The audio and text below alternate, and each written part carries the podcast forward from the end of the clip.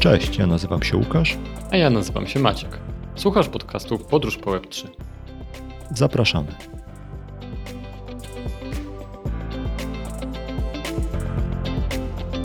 Cześć, dzień dobry. E, witamy w kolejnym odcinku podcastu Podróż po Web3. Dzisiaj witamy e, Michała Dąbrowskiego, e, prezesa CEO Olympics. Cześć Michał, bardzo fajnie, że do nas dołączyłeś. Cześć, bardzo mi miło. Super. E, dzisiaj mamy nagranie z wideo. Testujemy format wideo, e, żeby było więcej konwersji na YouTubie. A tak poważnie, to powiedz Michale, skąd pochodzisz, e, co robisz, żeby nasi słuchacze mogli trochę umiejscowić cię, osadzić w tej rzeczywistości Web3? Skąd pochodzę, to takie bardzo. Wiesz, technologicznie skąd pochodzisz, żeby nie było, że to życiorys taki. No dobrze. Pochodzę z tej strony gamingowej e, zdecydowanie. E, ze studiem, ze studiem gamingowym, gdzie robiliśmy gry mobilne. Cały czas robimy e, gry mobilne. Teraz poszliśmy w stronę przeglądarkową. No i tak, i pracując nad naszymi produkcjami, naszymi multiplayerami mm, i midcorem, poszliśmy w stronę taką troszeczkę, może opowiadając też trochę bardziej o tym, e, skąd pochodzę, to jeszcze e, o Daftcodzie należy wspomnieć, czyli Venture Builderze polskim, warszawskim, e, który takim, w takim duchu tworzenia startupów trochę z potrzeby. No i w tym duchu, pracując nad naszym multiplayerem, zauważyliśmy problemy, które często się pojawiają przy tworzeniu, przy tworzeniu tego typu gier. No więc pochodzę też z z developer community, które chciało tworzyć multiplayery i chciał i nie miało narzędzi ku temu. No i staramy się to, mm, to zmieniać teraz na rynku. Mhm. Ale zdecydowanie, okay. jeżeli pytasz, czy bardziej skrypto, czy bardziej gaming native, to zdecydowanie bardziej gaming native jestem. Okej. Okay. I, I, pochodzisz y, z gaming native, wchodzisz y, ze swoim biznesem do Web3, przenosisz gaming na blockchain. I teraz no, to jest dosyć jeden z takich mm, jakby fundamentalnych kierunków, jeżeli mogę tak powiedzieć, y, czy takich motywów y, w Web3, poza wiesz, y, DeFi, krypto i tak dalej, jest jeszcze gaming na blockchainie. I powiedz, czym ten gaming, tak żeby umiejscowić w ogóle, czym jest gaming na blockchainie, czym on się różni od zwykłego gamingu, od strzelanek, od kantera i tak dalej, jaki co wyróżnia ten gaming na, na blockchainie, który częściowo może być powiedzmy buzzwordem i, i wszyscy robią teraz gaming na blockchainie, a czym to się wyróżnia w taki, nie wiem, wartościowy sposób powiedzmy? Ja tylko jeszcze dodam dwa słowa. Y, pamiętaj Michale, że Maciek o gamingu wie nic, a ja wiem nic plus pół. W, w takim okay. w skali do 20 na przykład, no nie? Więc Dobrze. jesteśmy bardzo zieloni. Jasne. E, no ale odpowiadając na pytanie, czym, e, czym ten gaming e, na blockchainie właściwie jest, no ja myślę, że jesteśmy w takim bardzo ekscytującym rynkowo miejscu, miejscu gdzie to nie jest do końca zweryfikowane. I ja tutaj bardzo lubię się posługiwać taką analogią do czasu, kiedy ja wchodziłem na ten rynek gamingu. I to było 10 lat temu, coś takiego, kiedy no byliśmy w takich czasach, może przypomnijmy, mobile był tą nową rzeczą, gaming mobilny, gry mobilne i świeżo wynaleziono taką nową technologię. Apple wprowadził na rynek między innymi e, do App Store'a, która się nazywała In-App Purchases. I dzięki temu to jest nowa technologia, dzięki której deweloper może w łatwy sposób sprzedawać content w swoich aplikacjach. Coś może sprzedawać. E, I powstanie takiej technologii udostępnienie takiej technologii twórcom, e, myślę, że Apple, Apple'owi i innym, którzy to wymyślali, nie śniło się, co można sprzedawać wewnątrz gier i w jaki sposób i w których momentach. E, myśleli pewnie, że to będą levele albo odblokowywanie, na, na przykład wersja demo, a pełna wersja jest odblokowywana jako in-app purchase, ale myślę, że najśmielszym e, twórcom w, wtedy, jak wymyślali in-app purchases, się nie śniło, że będzie system energii, który będzie można odnawiać przy pomocy in-app purchase albo oglądania reklamy, albo że będzie można kupować to, żeby nie oglądać reklam w grze, zapłacić no ads, albo e, kupować jakieś in-game currencies za prawdziwe pieniądze. Więc ja trochę na to patrzę tak, że mm, I zresztą analogicznie do tego, e, na początku tego trendu właśnie zwanego free to play, czyli jakby użyć tego nowego narzędzia technologicznego, którym są mikrotransakcje, e, mikropłatności wewnątrz gier. Jako twórca nie muszę już e, sam tego implementować, nie muszę sam robić, nie wiem, dodawania karty kredytowej w mojej grze, tylko mogę skorzystać z czegoś gotowego. I na początku wykorzystanie tego było mocno Mm, nadużywane, powiedzmy, i dużo twórców gamingowych, kiedy ja na początku swojej kariery jeździłem na konferencje różne, żeby się dowiadywać czegoś na temat tego nowego, powstającego, kształtującego się modelu biznesowego. E, dużo twórców patrzyło na to, że to nie są w ogóle prawdziwe gry. Prawdziwe gry to powinny być e, premium, teraz się na to mówi, czyli płatne z góry, gramy i mamy sztukę i content, który jest stworzony, zapłacony upfront a nie monetyzowany w trakcie. I oczywiście trochę czasu musiało minąć i trochę czasu minęło i jednak ten free-to-play się na rynku ustabilizował. I mamy już gry, które powstają, które są nawet AAA produkcjami, czyli takimi dużymi produkcjami dużych firm typu nie wiem, Call of Duty e, Modern e, Warzone, które jest free to playem. Można pobrać, grać za darmo, jest monetyzowane mikropłatnościami. Technologia, która odblokowała nowe możliwości dla twórców, pozwoliła na powstanie zupełnie nowych modeli biznesowych poprzez właśnie kreatywność tych twórców, poprzez wymyślenie czegoś zupełnie nowego, co korzysta z tej technologii.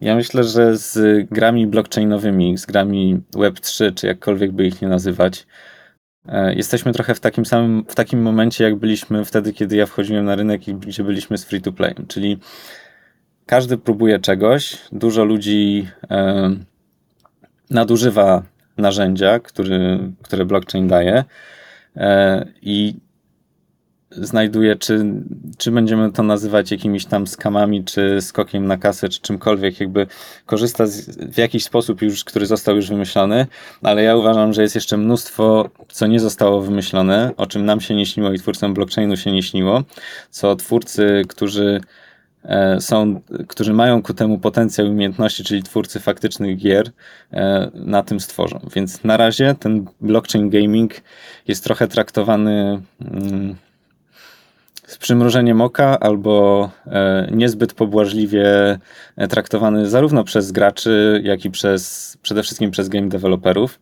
nad czym bardzo ubolewam, bo uważam, że tu jest ogromny potencjał. Z drugiej strony na, przez twórców DeFi tak samo trochę jest takie podejście, że E, po co, ten, po co w ten blockchain właściwie w gamingu. Ja uważam, że jest mnóstwo bardzo ciekawych zastosowań, które jeszcze są po prostu niezeksplorowane, a na razie po prostu jesteśmy na początku tej podróży. Y, otworzyłeś mi co najmniej trzy ścieżki, żeby zadać kolejne pytania, więc y, chciałem Cię najpierw zapytać o to. Um, trochę to tak mapuje sobie, że jesteśmy, tak jak powiedziałeś, na wczesnej fazie adopcji wewnątrz y, świata Web3, powiedzmy, więc wcześnie, wcześnie bardzo. I teraz E, są tacy e, wiesz, zwiadowcy, którzy wchodzą w ten świat i próbują się z rynkiem, popełniają błędy, ale nadają takie podwaliny pod późniejszą adopcję. I tak jak Call of Duty pojawiło się na telefony, tak teraz, czy ty masz jakiś typ, albo czy obserwujesz, że więksi twórcy zaczynają wchodzić właśnie w ten świat E, gamingu na blockchainie, czy to jeszcze jest za wcześnie na, dla takich dużych, mm, dla dużych studiów? No, oczywiście, że próbują, głównie przez e, success stories e, game, e, gier takich, które powstały, jak na przykład, nie wiem, Axie, chociażby, o którym każdy, e, każdy słyszał. Natomiast e, ja jestem już całkiem przekonany, że wszystko, co nowe, na tym rynku gamingu jest tworzone przez indie deweloperów, e, przez studia albo nawet przez samotnych twórców, którzy wezmą narzędzie, spojrzą i wymyślą coś zupełnie nowego, dlatego że większe studia raczej albo kopiują, albo stają się większymi studiami, dlatego że wymyśliły coś, jak były jeszcze małym studiem indie, które miało kilku deweloperów na pokładzie.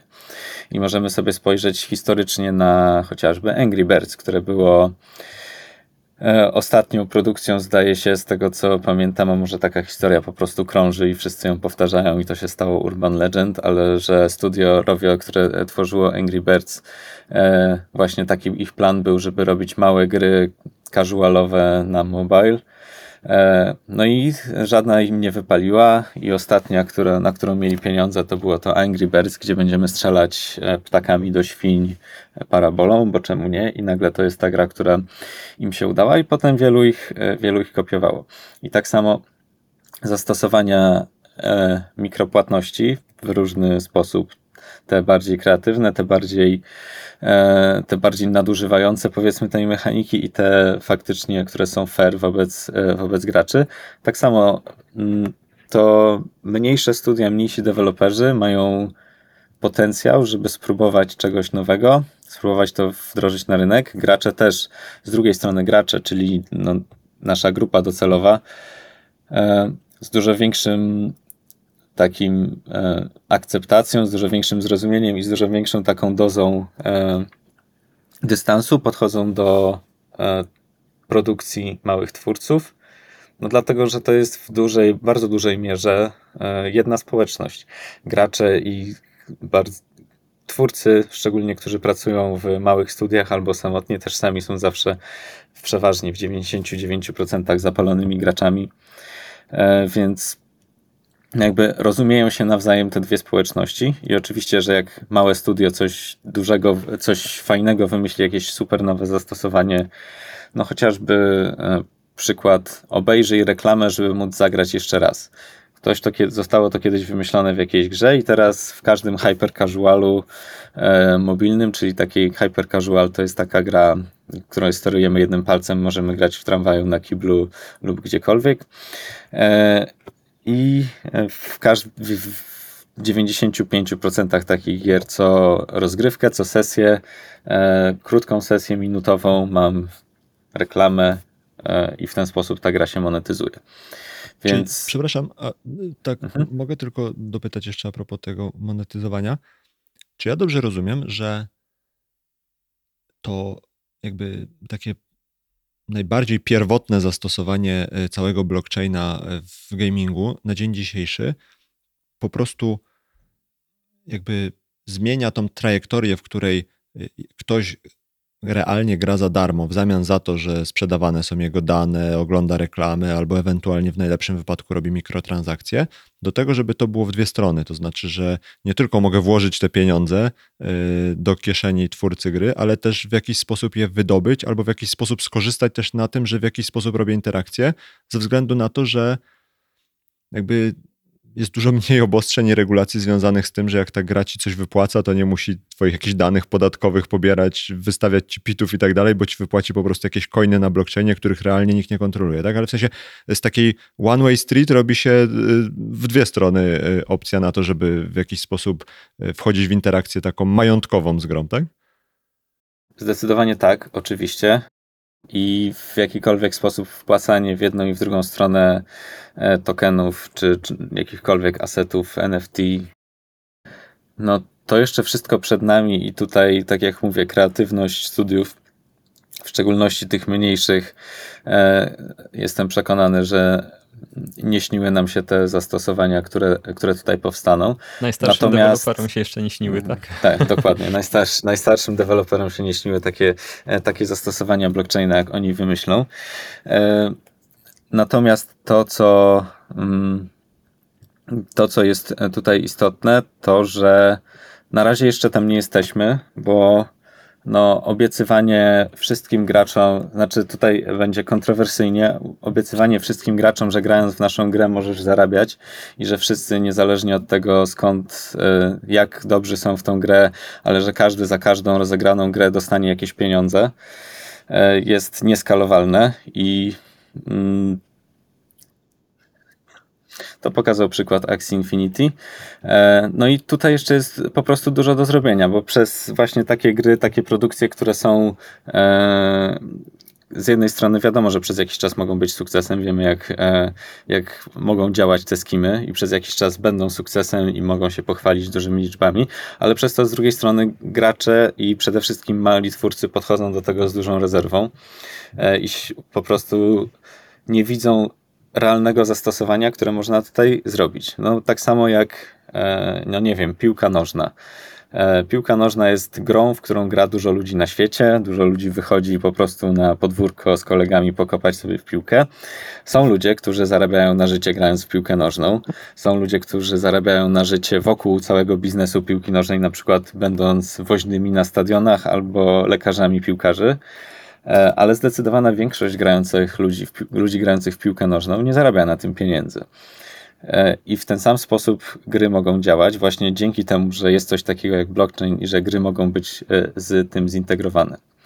Również to, co e, chciałbym powiedzieć, to że nawet z perspektywy, z perspektywy gracza, załóżmy, że gramy sobie w grę jak Call of Duty na PC normalnie. I mamy wersję free-to-playową Call of Duty, gdzie jak chcę kupić tego grała tą broń, która jest dobra i muszę za to zapłacić mikro, mikrotransakcją, powiedzmy 10 dolarów. E, no i kupię to i gra mi się po e, miesiącu znudzi. No to 10 dolarów wydane, dziękuję, do widzenia, nic z tym nie mogę zrobić. W momencie, gdy dokładnie ta sama gra i ten, ten sam, ta sama broń, ten sam grał będzie w formie jakiegoś tokenu albo w formie jakiegoś NFT, ja to mogę potem sprzedać. I dzięki temu, z jednej strony, ja jako gracz mam zupełnie inną perspektywę na to, czy to są pieniądze wydane, czy zainwestowane. E, z drugiej strony, no wiadomo, że teraz e, trochę pitchuję blockchain, ale mamy dzięki temu ownership, że mogę to sprzedać, więc mogę, jestem właściwie właścicielem tego, co kupiłem, tak naprawdę, bo mogę, mogę to zbyć i mogę na tym zarobić. To, czy wartość tego będzie wyższa, czy niższa, czy taka sama, jak w momencie, kiedy kupowałem, ma już mniejsze znaczenie. Faktycznie mogę, mam nad, mam nad tym własność, mogę to sprzedać, tą, tą konkretnie broń. I z drugiej strony, co jest jeszcze ciekawsze moim zdaniem, to jest perspektywa twórcy. Bo twórca teraz free to play, czyli gry, które są za darmo e, i które monetyzują się poprzez mikrotransakcje, stały się bardzo, bardzo trudnym rynkiem, szczególnie mobilne. Rynkiem Excela i e, grindowania retencji, grindowania ARPDAU, czyli Average Revenue per Daily Active User e, i takiego optymalizowania strony ze sklepem w mojej grze, żeby jak najwięcej tego sprzedać. I z drugiej strony, przedstawiając twórcom perspektywę, że możecie robić taką samą grę, ale jeżeli te itemy do, u was w grze będą do kupienia, tylko że w formie NFT, e, albo nawet będą do znalezienia w grze, jeżeli ktoś jest bardzo dobry, i potem ty jako twórca możesz zarabiać na tym w ten sposób, że masz e, po prostu procent z każdej transakcji później, no to twoje incentives przy tworzeniu tej gry się zupełnie zmienia. Biznesowy E, biznesowy incentive, nie masz biznesowego incentive do tego, żeby tworzyć jak najbardziej zoptymalizowany sklep, tylko masz biznesowy incentive do tego, żeby ludzie jak najdłużej zostawali w grze, żeby ta wartość była jak naj, żeby te itemy były jak najbardziej potrzebne. I drugi taki, żeby tymi itemami obracani między sobą, bo są royalties zawarte w każdej transakcji i nie musisz jako twórca programować żadnego, e, żadnego marketplace'u później do tych rzeczy, bo one są już dostępne. Ludzie mogą z tego skorzystać by default. Aha, ale wiesz co, ja tu widzę przynajmniej dwa problemy, jak o tym mówisz, bo jakby e, załóżmy, że ty teraz faktycznie pitchujesz e, blockchain w gamingu, a e, ja go próbuję zrozumieć i jakby po nie zgadzać się chwilę. Bo zobacz, widzę dwa problemy. Pierwszy jest taki, że to chyba dalej jest nie do zrobienia na mobile, jeżeli dobrze myślę, no nie? No bo tam są, jakby to wszystko musi przechodzić przez jakiegoś Apple'a albo Google'a i e, no nie na darmo to oni e, są operatorami tych wszystkich płatności i tam są jakieś takie dość ostre obostrzenia z tego co wiem, jeśli chodzi o to, co można kupić w grze, pomijając i na purchasy i tak dalej. A po drugie zintegrowanie chyba wewnątrz aplikacji mobilnej portfela to też chyba nie jest trywialna sprawa, o ile w ogóle wykonalna na dzień dzisiejszy.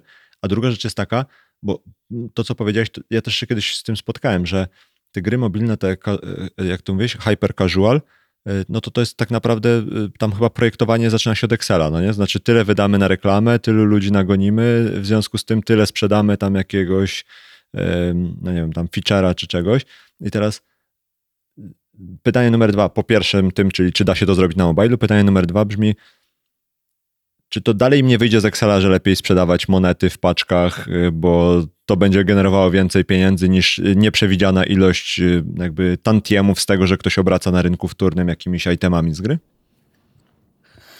E, dwa bardzo trudne i dobre pytania. No oczywiście na pewno Apple'owi i Google'owi bardzo ciężko będzie zejść ze swojej marży jeżeli. To jest chyba biorąc... główny przychód z ich tych y, sklepowych rzeczy, no nie?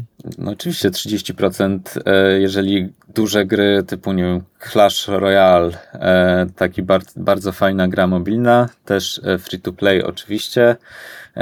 Nawet można by się kłócić, że to był chyba pierwszy mobilny esport, taki faktycznie meaningful esport z bardzo fajnie połączonym właśnie kompetytywnością z jednej strony i z drugiej z monetyzowaniem się free-to-playowym, mikrotransakcjami, bez tworzenia takiego wrażenia, że przegrałem dlatego, że mniej zapłaciłem. To są bardzo trudne tematy, żeby to zrobić dobrze w game designie. Im to wyszło zdecydowanie. W każdym razie, biorąc pod uwagę, że ta gra w czasach po release, nie wiem, 3 miliony dolarów revenue dziennie robiła, no to Apple'owi zdecydowanie będzie e, ciężko się z tym pożegnać, e, przenosząc wszystko na blockchain. I oczywiście ze strony narzędziowej e, jeszcze nie jesteśmy tam, gdzie e, chcielibyśmy być. I to jest kolejny próg wejścia wysoki.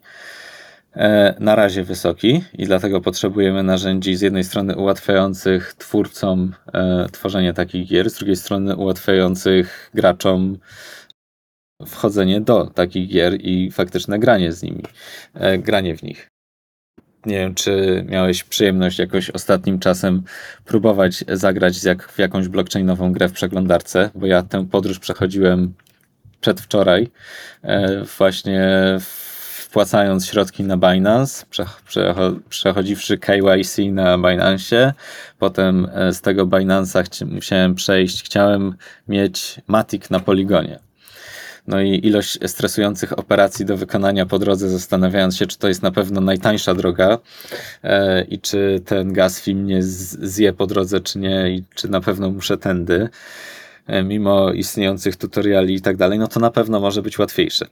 I to, co moim zdaniem tutaj jest e, niesamowite, to jest to, że twórcy gier free-to-playowych dokładnie tym się zajmują od 10 lat tym, żeby wciągnąć kogoś w swoją ekonomię, tym, żeby dać wystarczająco dużo, żeby gracz się zainteresował i żeby chciał mieć tego więcej, po to, żeby za następne zapłacił i jakoś chciał, chciał w to wejść. Więc zdecydowanie nie chcemy zaczynać od. No to, to się wydaje rzeczy super oczywiste, że nie chcemy zaczynać od wysokiego progu wejścia, gdzie ktoś musi wykonać mnóstwo stresujących operacji, żeby w ogóle wejść do mojej gry i w nią zagrać jest e, absolutny, absolutnie kontrintuicyjne. Ale I... wiesz co, a, a, przepraszam, a tak sobie teraz skojarzyłem, mógłbyś wytłumaczyć, czym jest play to earn, bo to jest jakby coś takiego, co jest super gorące i mam wrażenie, że jak zabrniemy dalej w dyskusję, to potem będzie ciężej wrócić, a jakbyśmy ustalili, e, tak wiesz, podstawowe definicje, to, to, to też byłoby dobrze. Dobra, to ja mam e, dwie nazwy tutaj. Play to earn, czyli grasz po to, żeby zarabiać, jak sama nazwa wskazuje. I to jest na przykład e, Axie Infinity, powiedzmy. E, można się kłócić, oczywiście i e, gusty, e, o gustach się nie dyskutuje, ale większość graczy, którzy grają w Axie, nie robią tego dla czystej przyjemności grania i dla entertainment values. E, robią to po to, żeby zarabiać. E, I to jest główny cel tego. W związku z tym ta gra nie konkuruje z naszym czasem, który byśmy mogli poświęcić na Netflixa, tylko raczej konkuruje z naszym czasem, który moglibyśmy poświęcić e, na granie na giełdzie albo na tradowanie krypto. Bo albo na pracę. Albo na pracę. I dokładnie na Filipinach to wręcz dosłownie na pracę. E, w związku z tym, no. Mm, wydaje mi się, i to jest e, opinionated jakby moja opinia po prostu, e, educated oczywiście, że e, to jest mało sustainable, mało utrzymywalne w dłuższym okresie, żeby można było grać i generować dużo wartości tylko grając, że wszyscy zarabiamy. Więc... A co się robi w akcji, żeby zarobić? Gra się. Ale w sensie to chodzi się jakimś ludzikiem, czy to są bardziej takie pokemonowe sprawy, czy... A to są e, pokemonowe stworki, e, które mają, to jest taka turowa rozgrywka, gdzie wybieram atak moim stworkiem, który wykonam, takimi kart, dostaję karty i mój stworek wykonuje ten atak. I zarabiam z każdej gry.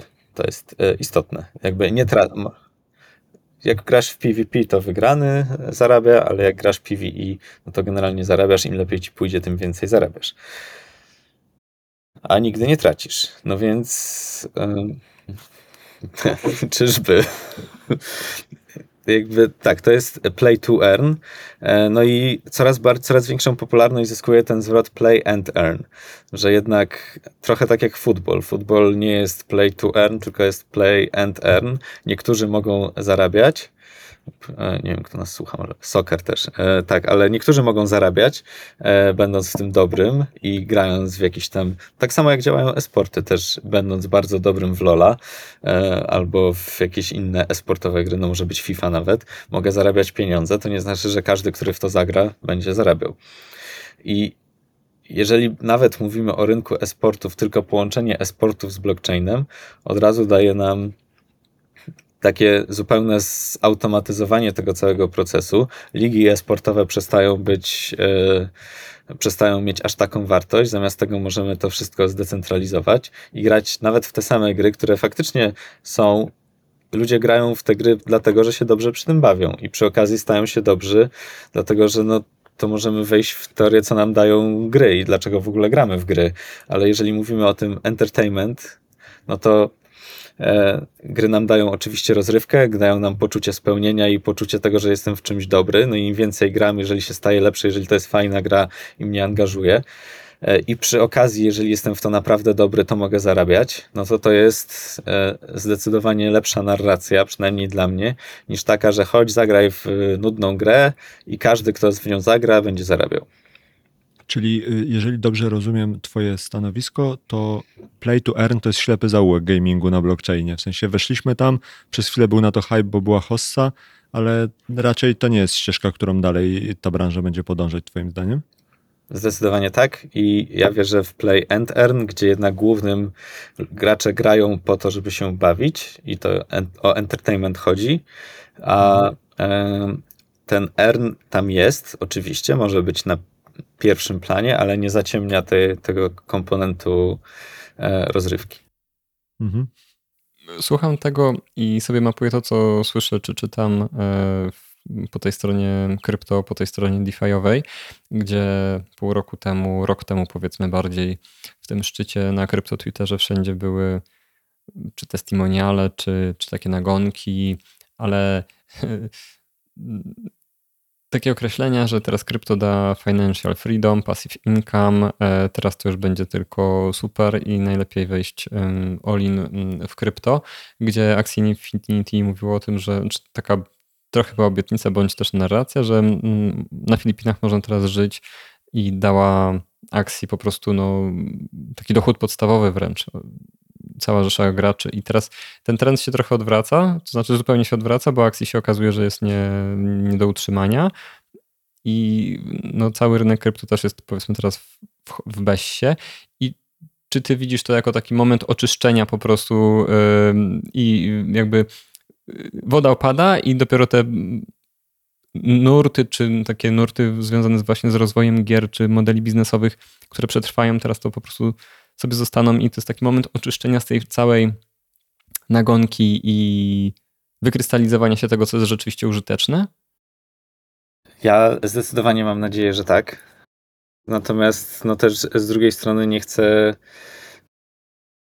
tutaj jakoś bardzo atakować tego, co, co zrobili inni. No zdecydowanie pewnie akcji sobie przez jakiś czas dobrze radziło i naprawdę dostarczyli ludziom na Filipinach poziom życia. Ja po prostu o ile byli w stanie dostarczyć faktyczną wartość i dużo ludzi tam się dobrze bawiło, dużo ludzi zarobiło, dużo ludzi straciło. E, ja po prostu nie wierzę w obietnicę, że wszyscy mogą zarabiać na czymś, a nikt nie traci.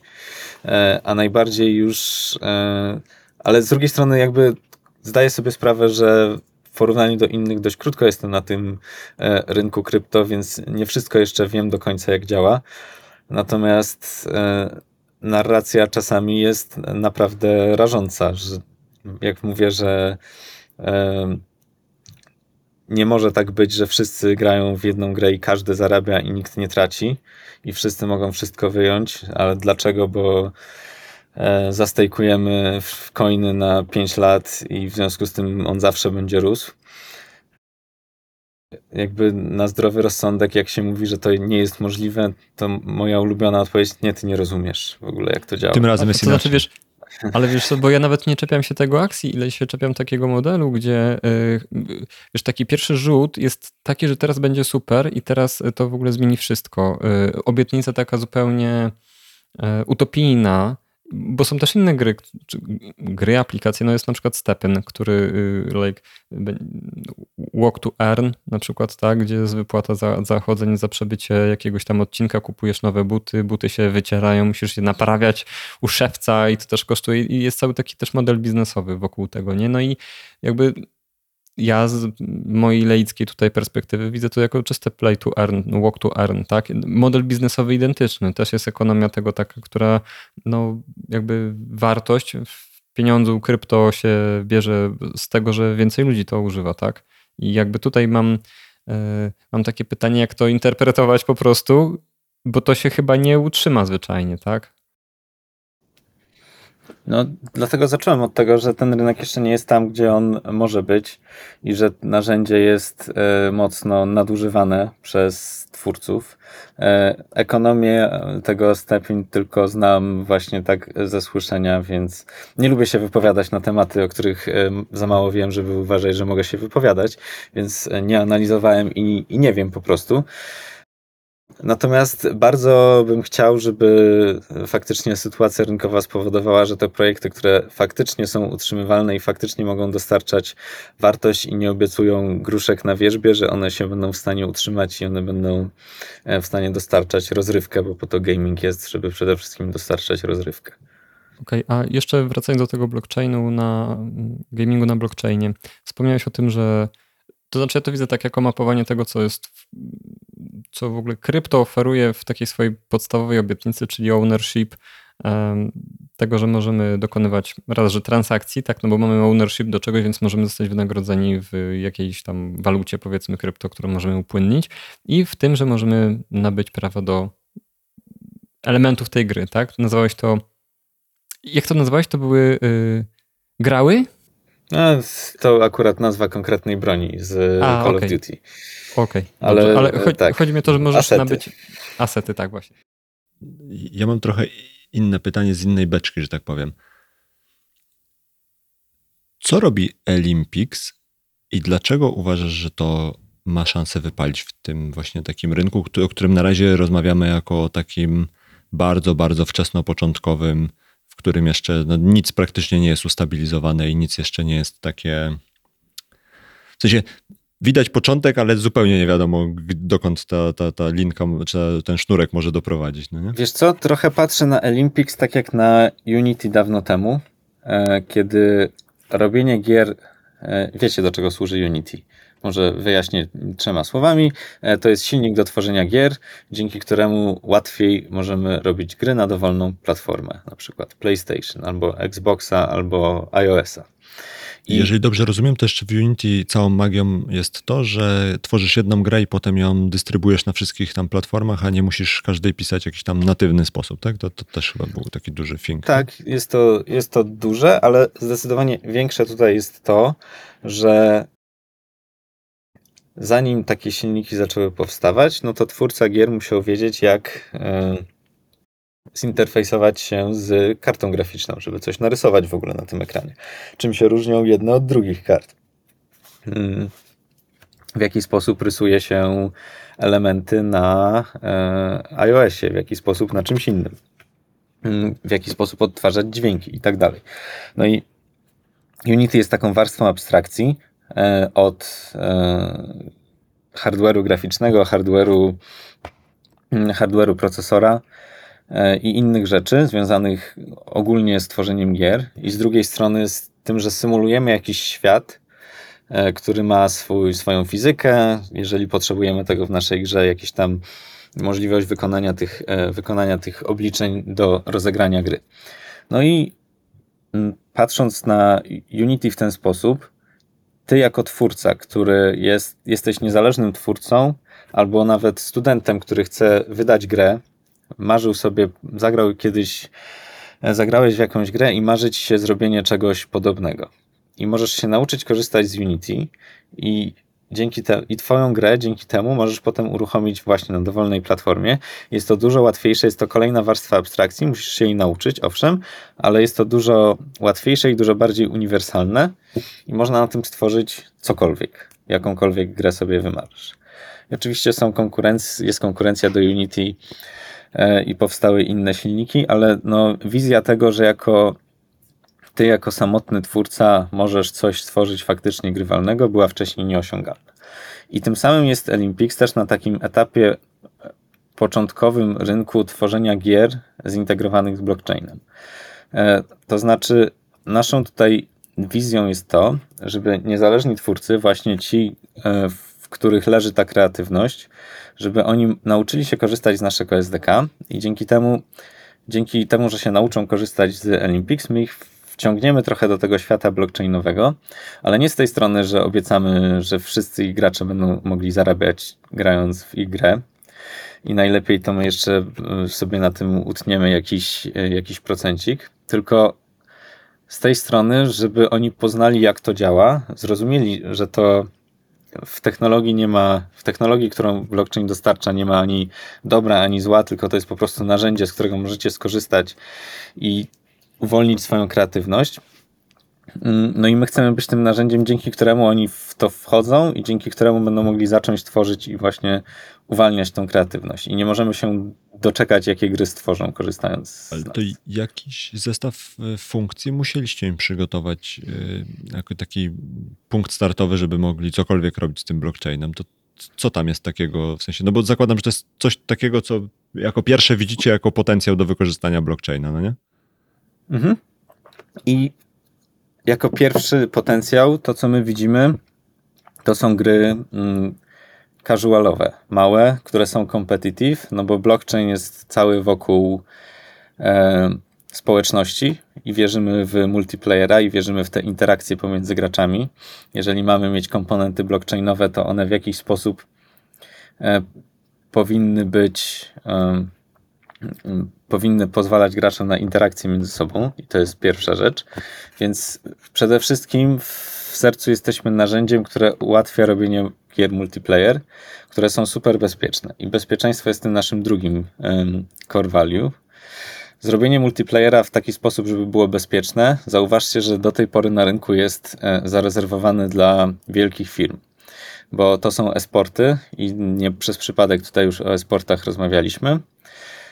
E, Unity nie dostarcza takich funkcjonalności, nie ma takich funkcjonalności na rynku. E, żeby zrobić grę jak Counter-Strike, jak Call of Duty, jak, jakakolwiek, jak jakikolwiek grywalny przez sieć esport, e, no to studio potrzebuje dwa razy takiego teamu, niż gdyby to miała być gra single player.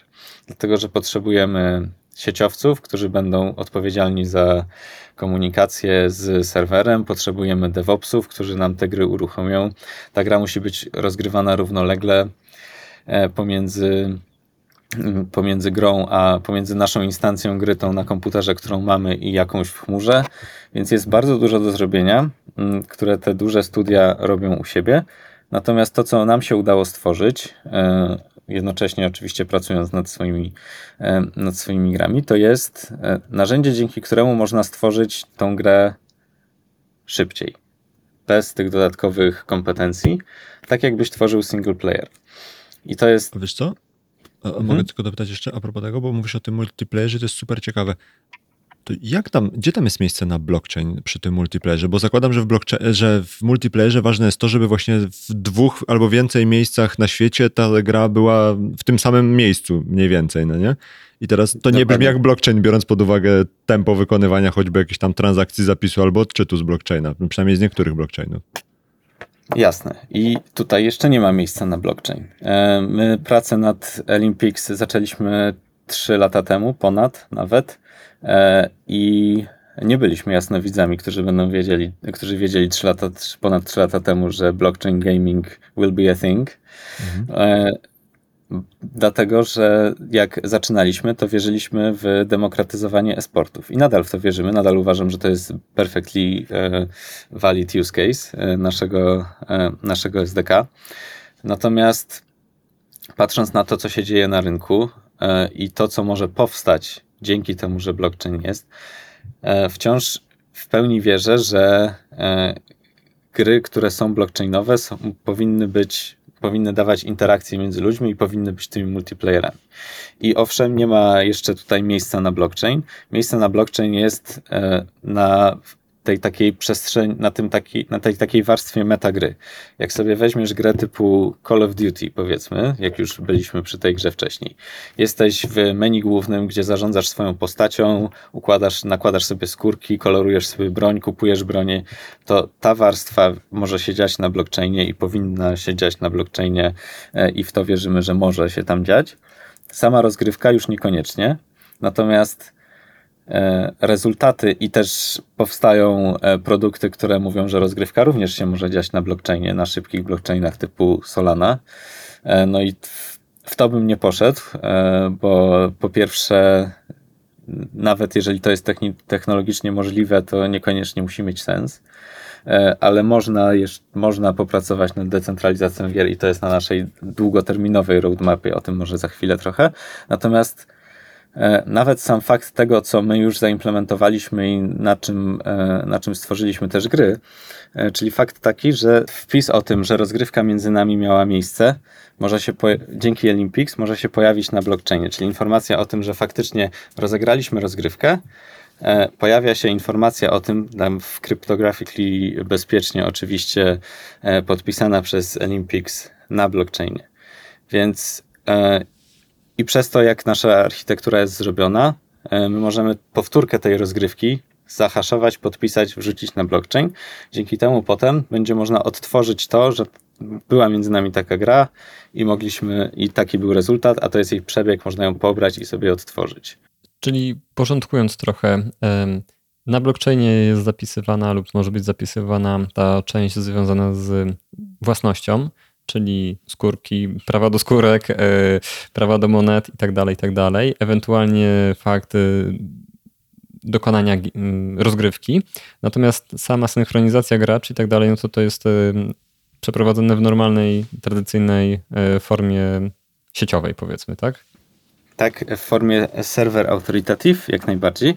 I potem te gry, które miały miejsce, ich przebieg Olympics pozwala na zapisywanie ich przebiegu i potem umieszczanie tego przebiegu, znaczy w tej samej, w podobnej formie co NFT są umieszczane na blockchainie.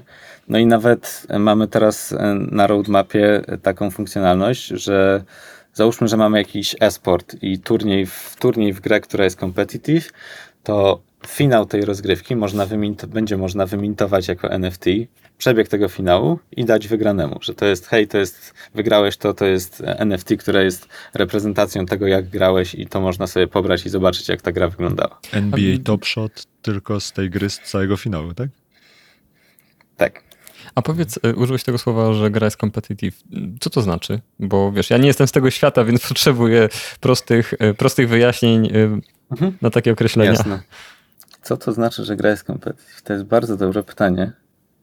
No to jest gra, w której. FIFA.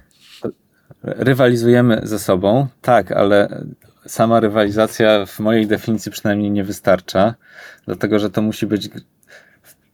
To musi być gra, która zależy od moich. To, czy wygram, zależy od moich umiejętności głównie. E, I ja mam bezpośredni wpływ na wynik tej rozgrywki. Jeżeli byśmy E, granie w e, rzut monetą nie jest competitive. E, jeżeli ja sobie wybiorę, że będzie orzeł, ty wybierzesz, że będzie reszka i gramy, to nie jest competitive, no bo nie mam wpływu na, na rezultat tego. Ale już granie w szachy jest jak najbardziej competitive. A czy do tego, żeby gra była competitive, jest potrzebny drugi gracz ludzki? Czy wystarczy, że to jest jakiś wiesz, komputer. Była taka gra, że tam się jeździło taką dżownicą i zjadało e, jakieś tam diamenciki, ale to był jednak też multiplayer, zapomniałem. To była nawet, jest taka nawet blockchainowa gra, e, która się nazywa Snook. I to klejmująca bycie pierwszą skill-based blockchainową grą. E, fajna, można, można pograć. Nie mam z nimi relacji żadnej, ale graliśmy i, i spoko gra. W każdym razie, czy po drugiej stronie powinien być gracz? Moim zdaniem zdecydowanie tak. E, trochę patrząc na to, co teraz jest na rynku i co powstaje, to taką minimalną, powiedzmy, plan minimum na to, żebyśmy mieli jakiekolwiek konkurowanie między sobą, jest gra single player, w której mogę zdobyć high score i ci ludzie są ułożeni na leaderboardzie. W zależności od tego, no i w, zależności od tego, jaki score zdobędą i wypłacamy nagrody albo przyznajemy jakieś nagrody jakiekolwiek w zależności od tego, jakim poszło. Jeżeli ta gra jeżeli poziom, który gramy jest taki sam, no to możemy założyć, że komu poszło lepiej, ten będzie miał większy, więcej punktów. Natomiast nawet taki przypadek jest dość trudny do zrobienia w sposób, który jest odporny na cheatowanie. I tutaj Olympics też jak najbardziej jest e, dobrym use case'em do takiego y, przypadku. Wrócił do Olimpika i e, ja też chciałem do niego wrócić, bo troszeczkę za dwa pytania wcześniej. Powiedziałeś o tym, że mm, założyliście Olympics trzy lata temu, nie byliście jasnowidzami, co się stanie i jak słucham o tym, że żeby zrobić multiplayera trzeba mieć dwa razy większy zespół, to brzmi jak to, co dostarczacie, czyli ten multiplayer, że od tego zaczęliście i to była coś, co was w ogóle, czego wy potrzebowaliście w swoich projektach, więc to stworzyliście i zrobiliście z tego produkt. I teraz, czy ja dobrze interpretuję, że,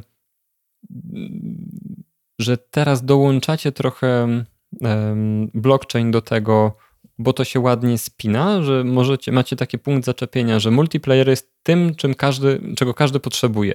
Dobrze zacząć od tego multiplayera, a potem jest jeszcze ten dodatkowy element Web3, czy ja to źle interpretuję? Bo chodzi mi to, że to chronologicznie, jeżeli to dobrze mi się wydaje, zaczęliście od multiplayera, krypto wybuchło i może relatywnie łatwiej było do, dorzucić ten element z blockchainem do tej paczki, którą deweloperzy mogą wykorzystać do swoich gier?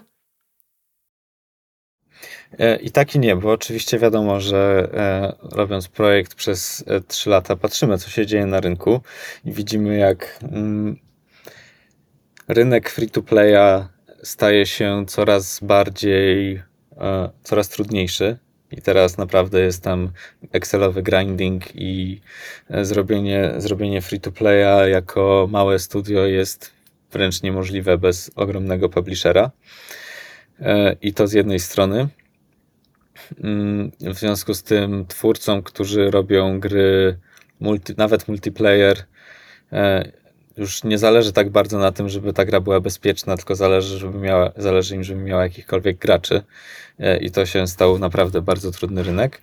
E, natomiast z drugiej strony, patrząc na to, co się na rynku działo, dzieje cały czas z grami krypto, no, ja głęboko wierzę w to, co, w to, co mówię z tym, że jesteśmy dopiero na początku tego rynku i że ten rynek dopiero się rozwija i e, naprawdę niestworzone rzeczy twórcy wymyślą, designerzy, e, designerzy ekonomii wymyślą z wykorzystaniem blockchainu z jednej strony, e, a z drugiej strony jakby się zastanowić nad, gdyby sam chciał grać w gry, zresztą grywam, ale gdybym dla rozrywki chciał grać w gry, bo obecnie takich nie ma, gdybym chciał grać w gry krypto, które których mogę zarabiać, to zależałoby mi na tym, żeby były bezpieczne na pewno i żeby druga strona miała utrudnione czytowanie. E, no i zależałoby mi na tym, e, żeby były fajne w graniu. I to, jest, to są dwie rzeczy, które my umożliwiamy. I zintegrowanie blockchainu do Olympics to nie była taka łatwa sprawa i cały czas nad tym pracujemy. To nie jest, tak, to nie jest sherry on top, to jest raczej E, traktujemy to jako integralną część całego systemu e, już teraz. E, chociażby, nie wiem, z logowaniem się graczy, którzy, którzy to robią pod, przez podpisanie wiadomości portfelem, żeby się zalogować, żeby udowodnić, że ja to ja. Więc to jest już w pełni, w pełni first class citizen. Mm. I, a z, z trzeciej strony, zdecydowanie wciąż mali twórcy którzy jeszcze w ten rynek nie wierzą, bo nie wierzą, w, bo widzą, jak wygląda ją produkcja do tej pory. E, bardzo się staramy, czy takimi inicjatywami, czy prezentacjami na konferencjach, czy po prostu rozmawiając, organizując game jamy, e, przekonywać ich do tego, że to faktycznie ma sens e, i że to, że gry, w które widzieli do tej pory nie wypaliły, to nie jest dlatego, że blockchain jest zły. Więc będąc narzędziem dla małych twórców, którzy bez żadnych dodatkowych kompetencji ponad to, co już umieją, czyli tworzenie gier w Unity i oni oczywiście umiejętność korzystania z naszego SDK, mogą stworzyć grę, która w pełni jest z tym blockchainem zintegrowana i jest multiplayerem, który out of the box wręcz jest bezpieczny, przez co nie narażą swoich graczy na cheaterów. No to jest to, gdzie chcemy być i chcemy się stać tym e, industry standard. Tak samo jak żeby zrobić grę mobilną, raczej chcesz pobrać Unity, jeżeli chcesz zrobić grę e, AAA e, na PC to pewnie raczej teraz Unreal Engine. No to jeżeli będziesz chciał zrobić grę zintegrowaną z blockchainem, to chcesz pobrać Olympics. A to w jaki sposób definiujecie kryteria sukcesu projektu? Kiedy ten uznacie, że to jest sukces?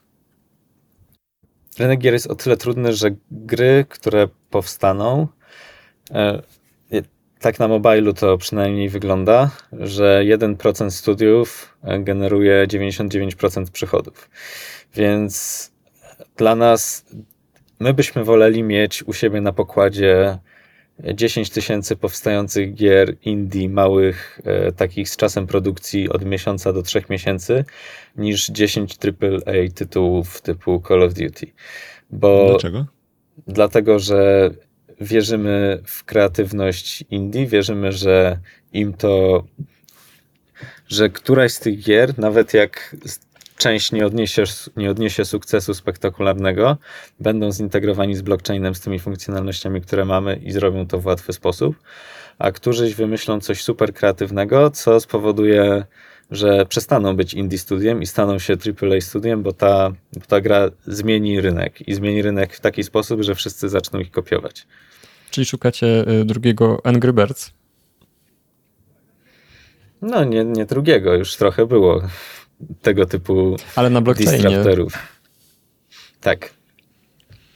Którzy to... zmienią, będą gameplay first i będą dostarczać rozrywkę. Oczywiście narzędziowo jeszcze nie jesteśmy tam, gdzie byśmy chcieli być i Olympics też tutaj silnie pracujemy nad tym, żeby wszyscy jako gracze mogli do tych gier wejść nie przechodząc przez ten horror e, metamaskowo-binansowy, e, bridge chainowy, e, tylko żeby faktycznie można było po prostu wejść do gry i zacząć grać. I na to mamy już mnóstwo pomysłów, jak graczy onboardować. Designerzy też mają mnóstwo pomysłów na to, jak na początku dać trochę tokenów, użyć jakiś mechanik bezpośrednio przechodzących z free to playa, tak żeby zainteresować wystarczająco, żeby się gracz zaangażował e, i potem, żeby chciał po prostu grać dalej, bo widział, jaka w tym jest zabawa. No ale przede wszystkim to musi być zabawa, żeby to e, gameplay first. A gdzie są pieniądze w takim razie w tym projekcie? W sensie skąd one się będą brały? No bo zakładam, że nie jesteście. W grach? No w e, Olimpiksie w sensie, bo zakładam, że nie jesteście e, non-profit organizacją, która ma po prostu usprawnić Nie, nie jesteśmy non-profit, nie. E, przy okazji, przy okazji. E, więc tak, e, jeżeli chodzi o model biznesowy, no to jest dość prosty. E, na czas produkcji Olympics jest kompletnie za darmo. Można tworzyć grę i grać. W momencie, jak gra jest wydana na Mm, e, pojawia się na mainnecie, no to zaczyna się, zaczynają się e, rozgrywać gry między graczami. E, I przez, przez architekturę całego systemu Olympics jest serwer authoritative, to znaczy, że my musimy uruchomić gdzieś w chmurze komputer, który tę grę hostuje, dokładnie tę grę danego, danego dewelopera. My za to płacimy i charge'ujemy za to twórcę z bardzo niską marżą ponad to, co nas charge'uje chmura. E, a głównym, komp głównym komponentem naszego przychodu e, jest e, biblioteka naszych Essential Smart Contractów, czyli ten komponent, o którym jeszcze nie wspomniałem za dużo, czyli to, jak twórca tworzy swoją grę, i na przykład chce, żeby gracze grali w competitive e, Snake'a. Jak już poruszyliśmy Snake'a, będzie, będą dwa węże, który wiedzie w ogon drugiego, ten przegrywa. Trzeba, tak, trzeba zapędzić drugiego węża tak, żeby nie mógł się wydostać. I mm, załóżmy, że stworzyłem taką grę. Jedyne, co muszę zrobić, to gameplay i potem konfiguruję tak, że ta gra będzie korzystała z naszego smart kontraktu, który się nazywa Duel. Czyli każdy gracz przed grą będzie musiał wpłacić na przykład e, jeden USDT albo cokolwiek, co tam sobie skonfiguruje. No i wygrany potem e, dostaje pulę z naszej skill-based competitive gry dolar 90. A 10, a 10 centów idzie do podziału pomiędzy Olympics i pomiędzy twórcę gry. Czyli będziecie po prostu y, marże na transakcjach jakichś y, blockchainowych y, obcinać, tak? Dokładnie tak. I A kto tak będzie samo, płacił za gaz? Mm, za gaz będą płacili gracze, którzy wchodzą, no bo e, wpłacając, jakby tworząc transakcje e, wejścia do gry e, i Olympics jakby w tej marży jest zawarte zapłacenie za gaz. Okej, okay, czyli to jest, będzie działało w ten sposób, że na przykład jeżeli będziecie na Ethereum i nagle będzie jakiś no nie wiem, pik, jeśli chodzi o gaz, to y, to, co będzie płacił użytkownik, co potencjalnie może zapłacić użytkownik, to będzie opłata za gaz plus wasze fee, tak? Mm. Opłaty za gaz są w innych walutach. Nie planujemy release'ów produkcyjnych na EVM, na Ethereum e, mainnecie. E, planujemy partnerstwa raczej sidechainowe z Polygonem na przykład, być może żeby ograniczyć oczywiście koszty gazu i no jest to zdecydowanie bardziej dostosowane do częstych transakcji na, na gamingu, e, w gamingu. E, no i tak, jeżeli chodzi o koszt gazu, to będzie zesplitowany pomiędzy, pomiędzy gracza i Olympics. A integrowaliście się już z blockchainami, prawda? Z, z tego, mhm. co widziałem na stronie, tam ma, macie kilka integracji y, nie wiem, czy zrobionych, czy zapowiedzianych na ten moment. Dobrze widziałem? E, tak, mamy też gry, które korzystają z tych integracji, e, więc jak najbardziej. Mhm. A, I powiedz, jak, jakie jest doświadczenie integrowania się z różnymi blockchainami? Bo zakładam, że te blockchainy, każdy ma swoją jakąś specyfikę i zestaw wyzwań, które stoją przed kimś, kto próbuje się z nimi zintegrować. Masz jakieś takie historie w stylu z tym było najłatwiej, z tym było najtrudniej, albo tu nas spotkało coś takiego, o czym się najstarszym deweloperom nie śniło, albo coś w tym stylu? Nie wiem, czym e, wypada tutaj. Mów, mów blockchain X albo blockchain Y. Dobrze. E, na przykład jak na testnecie blockchainu Y e, okazuje się, że transakcje przechodziły po godzinie i jest trochę, jest zupełnie nieakceptowalne dla graczy, żeby przez godzinę czekać aż no jakby waiting for match, e, bo czekamy aż transakcja przejdzie. I z drugiej strony, jak my mamy wypłacić fee, no to też musimy się liczyć z tymi kosztami gazu i jeżeli mamy graczowi wypłacić wygraną w jakiś sposób, to musimy albo opóźnić to czekając aż e, aż gas price się zmniejszy, albo wypłacać e, w nocy, albo wymyślić coś jeszcze innego.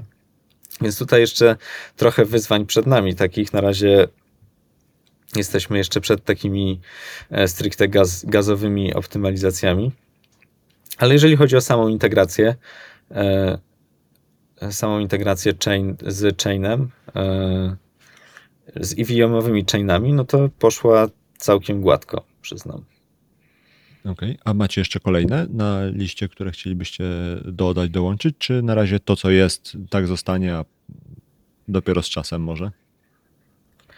E, trochę zależy od, e, trochę zależy od partnerstw z naszej strony, e, dlatego że gry, które tworzymy obecnie chcemy raczej wydawać korzystając z Poligona, mamy najlepsze doświadczenia, jeżeli chodzi, jeżeli chodzi o ten blockchain e, obecnie. Natomiast czy będziemy się integrować w jakiś sposób z Solaną?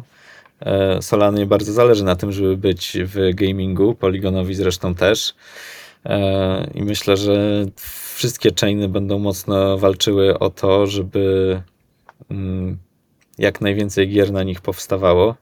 Więc pod tym względem my możemy siebie traktować przynajmniej po pierwszych jakichś releasach gier mm, znowu z gwiazdką, że rynek game devu jest dość trudny i 1% deweloperów robi 99% obrotu całego rynku, ale w momencie jak jakaś fajna gra się pojawi, no to jestem całkiem przekonany, że blockchainom będzie zależało po prostu, żebyśmy to my się z nimi integrowali, a nie w drugą stronę.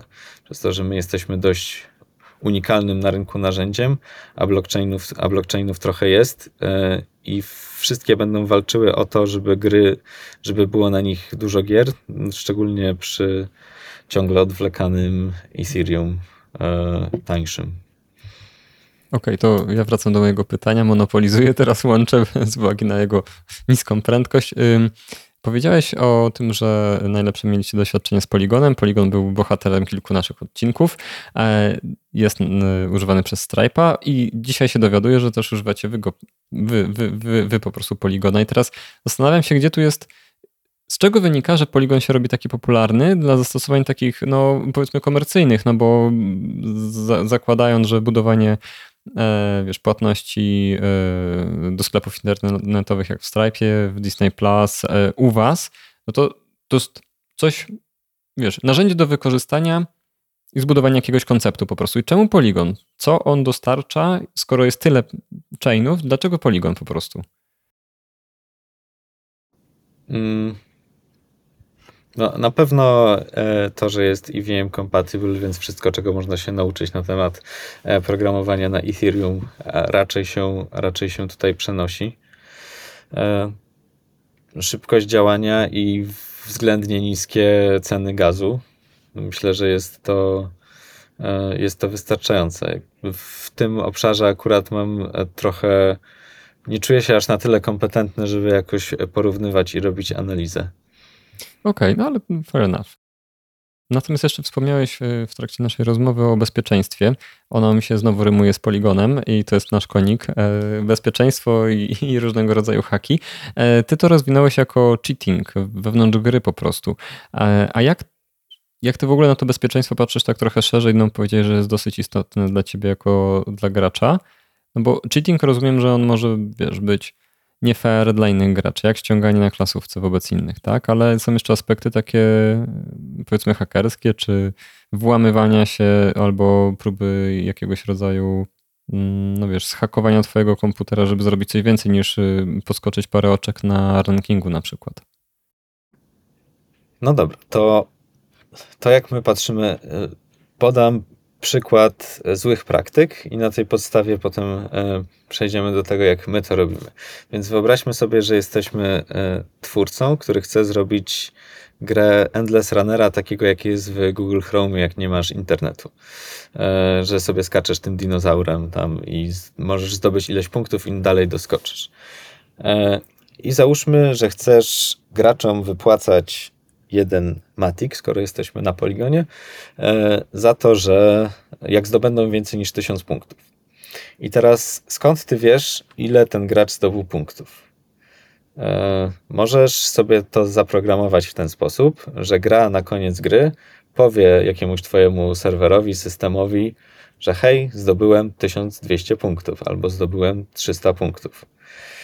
E, no tylko, że w wtedy dowolny, bardziej zaawansowany gracz, który potrafi korzystać z narzędzi programistycznych, może sobie taki request e, wysnifować, sprawdzić jak on wygląda i spreparować taki mówiący hej, zdobyłem 3000 punktów i go też wysłać w ten sam dokładnie sposób i ty nic nie możesz z tym zrobić. Możesz tylko się zastanawiać, czy ten gracz mnie próbuje oszukać, czy, to było, czy idzie za tym faktyczna gra, czy nie idzie za tym faktyczna gra.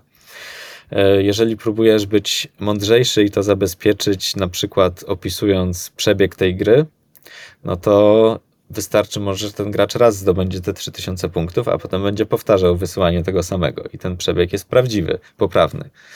E, więc zrobienie czegoś takiego jakby od razu od, otwiera twój protokół i jeszcze w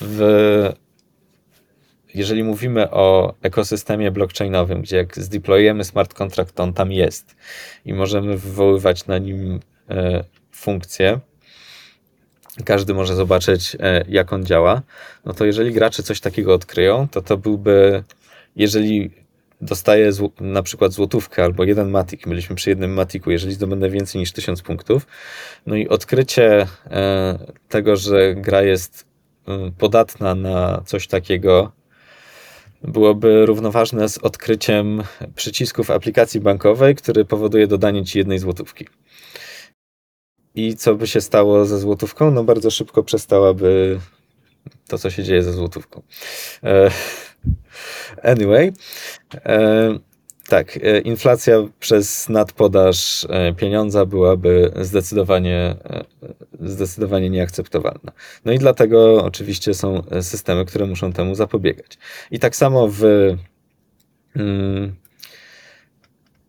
tak, to, co, to, co robimy w Olympics, to jest ta tak zwana rozgrywka server authoritative i w ten sposób działają nasze gry, czy to są single player, czy multiplayer.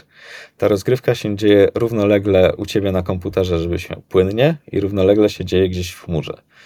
Ale to ten rezultat, który się dzieje w chmurze, to jest ten rezultat z gry, którą dokładnie to, tej gry, którą deweloper stworzył e, i do nas uploadował. My tą wersję dokładnie uruchamiamy no i symulujemy równolegle z graczem. My się zajmujemy tą trudną stroną synchronizacji tego, tego stanu, e, obsługą cofania czasu i tak dalej. Te wiele rzeczy, które trzeba zrobić przy produkowaniu e, multiplayera, czy takiej właśnie synchronizowanej w ten sposób gry. E, ale finał tego jest taki, że gra wygląda tak samo, a rezultat tego meczu, i to jest bardzo subtelna różnica, rezultat tego, tej rozgrywki jest pochodzi z builda, który jest niezmieniony przez twórcę.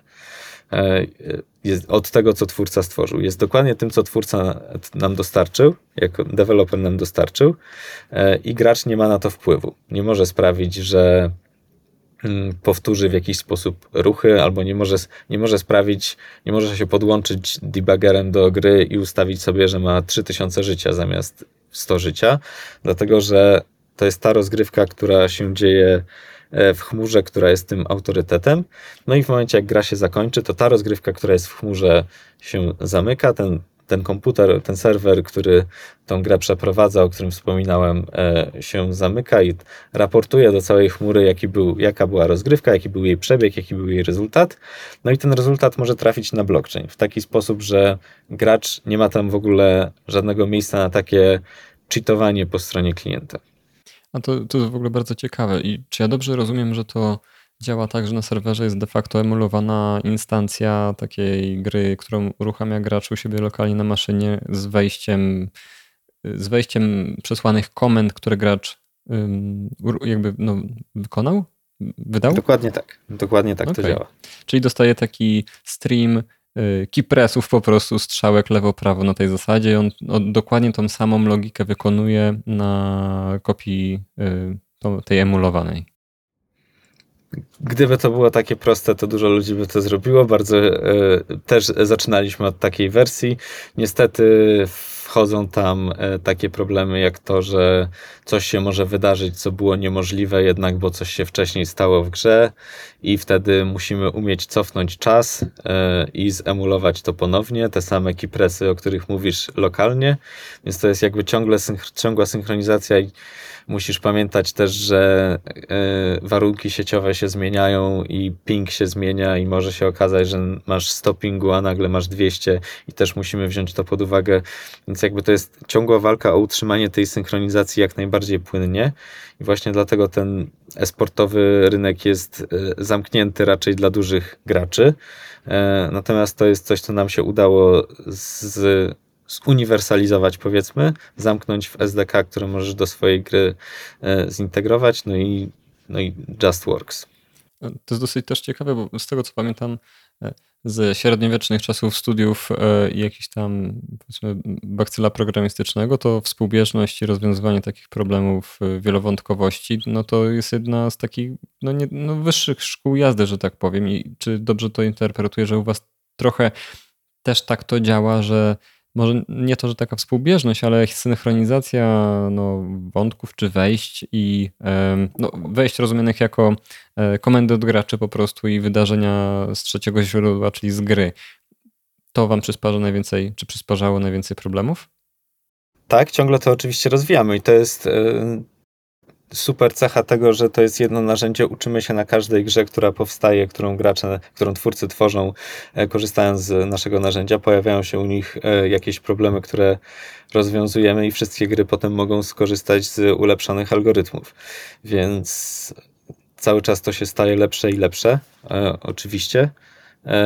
I tak, to jest zdecydowanie taki diamencik projektu i na pewno jakaś tam duże, duży komponent, który jest bardzo unikalny, e, czyli właśnie możliwość przeprowadzenia tej symulacji e, w sposób rozproszony e, z aut, ze źródłem prawdy w jakimś jednym konkretnym miejscu osadzonym w naszym przypadku na, na serwerze. Natomiast no, tutaj jest wciąż zdecydowanie jeszcze potencjał do rozwoju dalszego tego konceptu i takiego mm, jeszcze większego zdecentralizowania tego wszystkiego. A jeszcze chciałem, jeszcze chciałem zapytać, y, wracając jeszcze trochę do samego początku zarania, bo ja wyczuwam takie, takie coś, że duzi twórcy są trochę nie to, że obrażeni, ale tak ignorują mm, tych, y, tych twórców y, inicjujących rozwój gier w Web3. Czyli te duże studia po prostu tak nie lubią tych małych studiów albo nie lubią w ogóle konceptu tego Web3. Jeżeli nie mówię strasznych głupot, to, to przejdę dalej. I teraz ja sobie tak myślę, że to, co znowu takim dalej laickim okiem, to, co się zmienia w, w gamingu na blockchainie, to są kilka rzeczy dodanych, to znaczy ownership, który jest no, obietnicą krypto, powiedzmy, no tak, no krypto jest ownership, i właściwie niewiele więcej, bo z tego ownershipu to wy, wynika. No po prostu e, ewentualnie jeszcze można dodać y, to, jedno źródło prawdy po prostu, że jest na blockchainie i nigdy z, z, tego blockchainu nie wyjdzie, tak? Czyli a to, że możemy wypłacać pieniądze z gry, no to wynika z ownershipu, tak? Jakby wprost. Czyli tutaj mamy dwie, tylko i wyłącznie dwie, dwie, e, dwie rzeczy. I jak budujemy grę, czy duże studio buduje grę, to czy dodanie takiej warstwy ownershipu, takiego prawdziwego, to jest taka rzecz, na którą warto czy można się obrażać? To znaczy, bo ja, ja trochę tak zadaję y, pytanie w za długi sposób, bo próbuję zrozumieć, też zadając to pytanie, skąd ta niechęć, jeżeli ona jest, jeżeli takie rozwiązanie oparte o ownership, na którym można zbudować taki niekończący się strumień revenue w oparciu o te legendarne 10% commission wracające do wydawcy, czyli do, do, do twórcy gier, czyli na przykład do studia gier na tych skórkach do karabinów, to na co się tu obrażać? Bo jakby ja tego nie rozumiem. Po, po tej rozmowie z tobą nie, ja, ja raczej tutaj widzę duży obraża? potencjał, nie? Właśnie ja, ja mam ja takie też, odczucie, ale... że te duże studia nie, nie, nie, nie chcą tego robić, tak? Przynajmniej na, na, na podstawie naszej rozmowy i dlatego mówię, że może mam złe, złe wnioski wyciągnąłem. Nie no, chcą. E, były jakieś tam próby, Ubisoft robił, e, zdaje się, integrował, integrując właśnie NFT do swojej gry. To raczej ja na to patrzę tak, że gracze są obrażeni, e, bo to jest dość konserwatywna społeczność, bym powiedział, która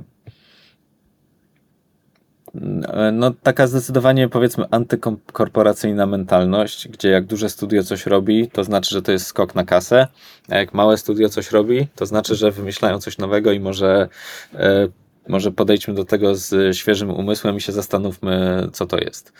E, okay. Więc tutaj mi się wydaje, że zdecydowanie zdecydowanie w tę stronę to idzie i to co, to, co zrobiły duże studia do tej pory, było właśnie tak potraktowane. Mimo, że znowu nie analizowałem zbyt dokładnie, więc e, nie wiem, co tam dokładnie faktycznie było. Wiem, jakie, jest, jakie są opinie wśród graczy na ten temat i że gry zostały zamknięte, projekty zostały zamknięte po prostu. Ale zamknięte dla społeczności graczy, czy zamknięte technologicznie, zaspawane i nie da się z tym nic zrobić, rozwijać i tak dalej, bo to też no nie, nie, planują, nie planują wsparcia, z tego, z tego co wiem, e, dla tych NFT już dalszego, e, NFT w grach, e, tych, które duże studia wydały. No i znowu, jakby, ale odpowiadając jeszcze na poprzednie pytanie dotyczące tego, co ten, co ten blockchain daje, owszem, zdecydowanie daje ownership, ale tutaj to, czym ja jestem najbardziej podekscytowany, to tymi twórcami metagry, którzy we free-to-playach, tworząc e, gry typu mm, ten Clash Royale też już wspomniany, albo jakiekolwiek inne e, gry powiedzmy strategiczne, ala strategiczne na, na przykład na mobile free-to-playowe, e, są tam takie stanowiska metagame designer, którzy się zajmują tym, ile coś w tej grze kosztuje, co tam mogę kupić, e, skąd ja biorę te coiny, tę walutę zwykłą, tą walutę premium, za ile faktycznych dolarów ja tą walutę premium mogę kupić, ile jej dostanę po to, żeby mi się spodobała na początku, ale żeby jednak nie mieć jej wystarczająco, żeby grać, tylko żeby za nią zapłacić.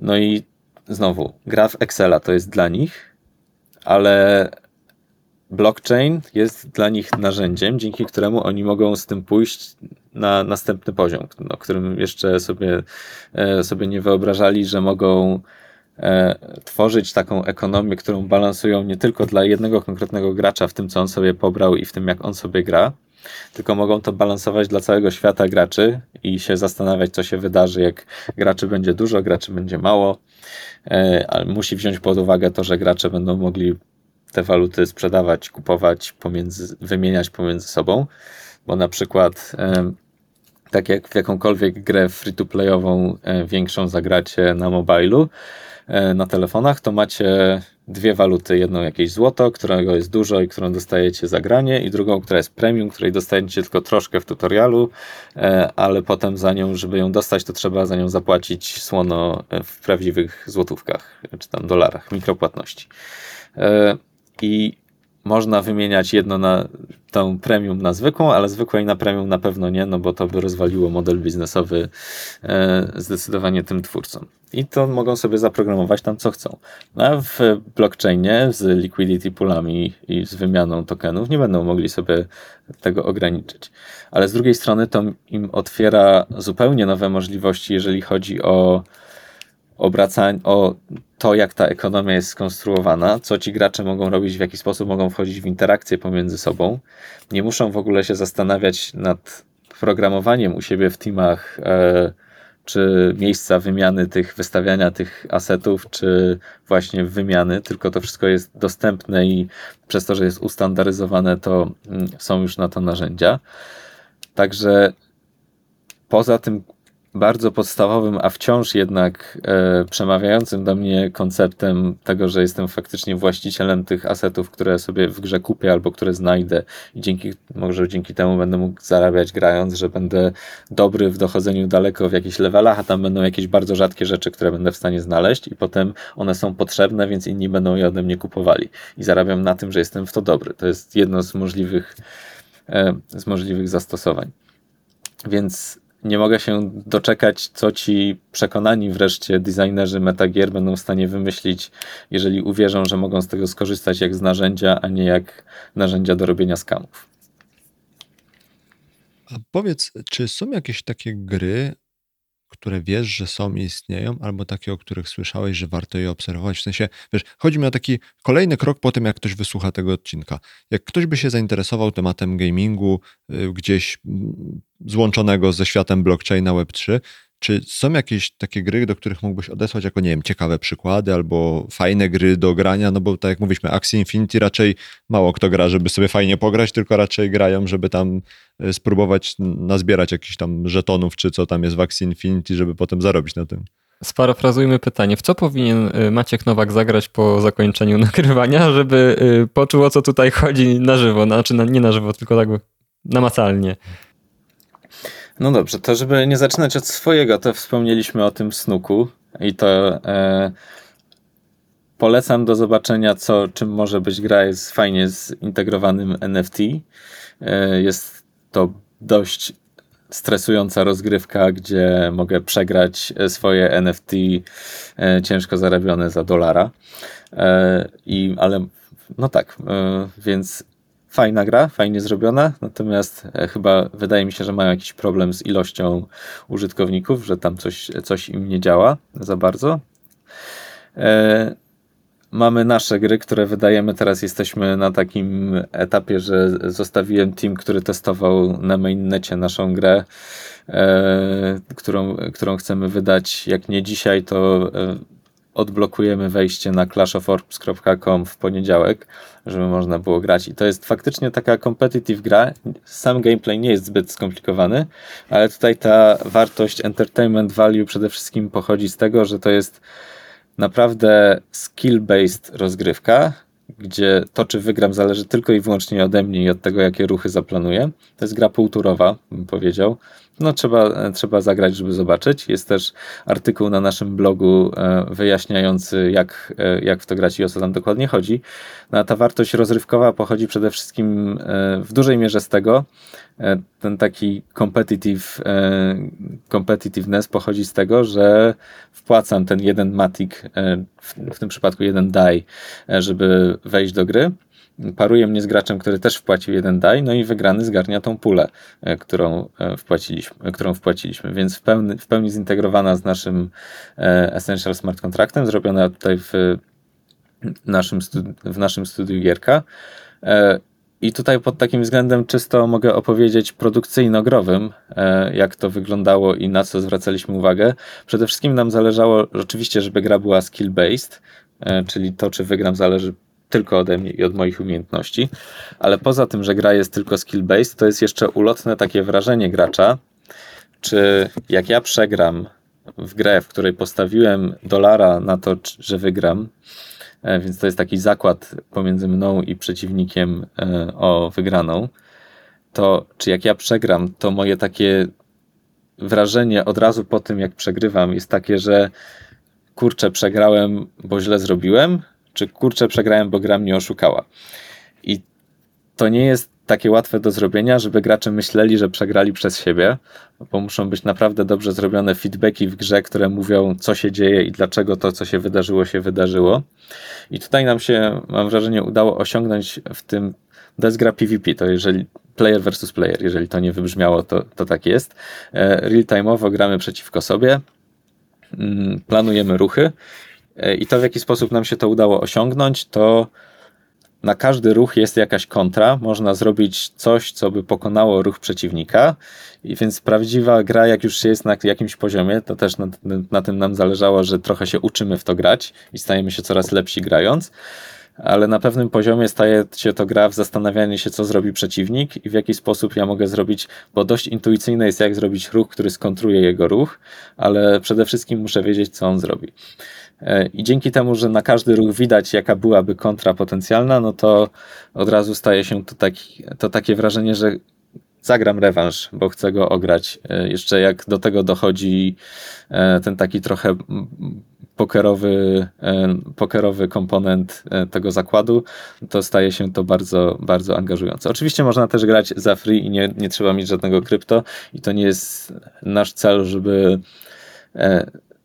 nie da, żeby zabierać sobie graczy, trzeba mieć portfel, żeby móc się wpisać do gry, ale tylko zainstalowanego Metamaska, gra jest w przeglądarce, e, więc tak, nie trzeba mieć żadnego krypto na tym portfelu, żeby po prostu zacząć grać i zacząć e, rywalizować z innymi i się uczyć tej rozgrywki. No i jak się ktoś czuje komfortowo, że czuje się wystarczająco dobry, żeby, żeby zagrać, no to, e, to jak najbardziej. E, zrobiliśmy też e, i też planujemy wydać, ale to już pewnie bardziej końcówka przyszłego tygodnia, też kolejną małą grę, taką casualową. E, IC Tower. Nie wiem, czy pamiętacie taką grę. Skakało się takim. To mniej więcej coś takiego, tylko że zamiast ludzika są samochody i skaczemy też player versus player. Można przeciwnikowi wskoczyć na głowę i trzeba być szybszym od przeciwnika.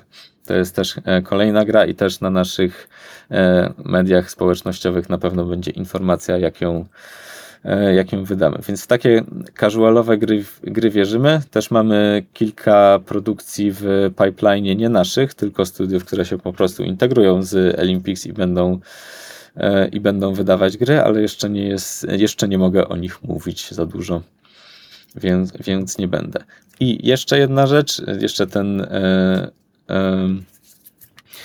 E, jeszcze ten słuchacz, który się zastanawia, skąd może się dowiedzieć więcej, to jest taki super e, podcast, e, do którego mogę odnieść. Nazywa się Deconstructor of Fun i to jest jeden z go-to podcastów growych, jeżeli chodzi o game design.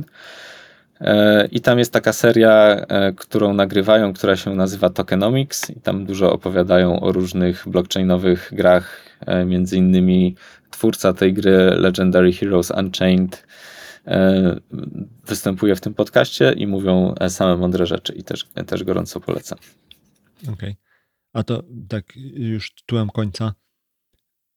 Czy jest coś, czego szukacie w Olympics, albo ty szukasz prywatnie, co jeżeli jakiś z naszych słuchaczy ma, umie albo chce robić, to, to mo może się zgłosić albo może gdzieś uderzyć. W sensie, wiesz, y, szukamy takiego miejsca, gdzie ktoś może tobie albo Olympicsowi pomóc, jakby się przy okazji Jasne. Udało. Jeżeli, e, jeżeli robicie gry i chcecie spróbować zrobić pierwszą grę blockchainową, potraficie korzystać z Unity, ale nie potraficie w żaden sposób się z tym blockchainem zintegrować, to jesteś, Olympics jest narzędziem dla Was, żeby spróbować. E, organizujemy też co jakiś czas game jamy, o tym może warto e, wspomnieć. Ostatni był online'owy, następny planujemy we w początek września. E, jakoś tak, mm, gdzie chcemy już offline'owo tym razem e, pewnie w Warszawie albo e, hybrydowo, jeszcze nie zdecydowaliśmy. Kolejny konkurs tworzenia gier. Stworzy, stwórz swoją grę zintegrowaną z blockchainem w pełni multiplayerową w dwa dni albo w trzy dni. Jeszcze zobaczymy, jaki będzie tutaj timeframe. E, dwa takie wydarzenia już były. E, wszystkie gry zakończone sukcesem, także w sensie udało się zrobić faktycznie grywalne gry, e, więc z tego jesteśmy bardzo zadowoleni. Walczymy o to, żeby naszego supportu potrzebnego przy tym było jak najmniej. Cały czas poprawiamy swoją swoją dokumentację. Ale tak, jeżeli chcecie e, stworzyć grę, to oczywiście zapraszamy serdecznie. Ewentualnie myślę, że takim dobrym krokiem startowym jest wejście na, zapisanie się na Game Jam. Okej. Okay. Dobra, to linki postaram się poumieszczać w notatkach, żeby było jak najłatwiej e, jakby wszystkie te rzeczy poznajdować. E, I co, Michale, dzięki wielkie za przybliżenie nam tego tematu, w którym jesteśmy zupełnie zieloni, a teraz jesteśmy chociaż troszeczkę mniej zieloni. Y, I co? Do zobaczenia, do usłyszenia następnym razem. Trzymaj się, dzięki. Dzięki za wysłuchanie kolejnego odcinka podcastu Podróż po Web3. Żeby nie przegapić kolejnych odcinków, pamiętaj, żeby zasubskrybować ten podcast w swojej aplikacji do podcastów. Wejdź również na www.ppw3.pl i zapisz się do newslettera. Otrzymasz dzięki temu powiadomienie o każdym nowym odcinku oraz dodatkowe materiały. Dzięki i do usłyszenia. Cześć.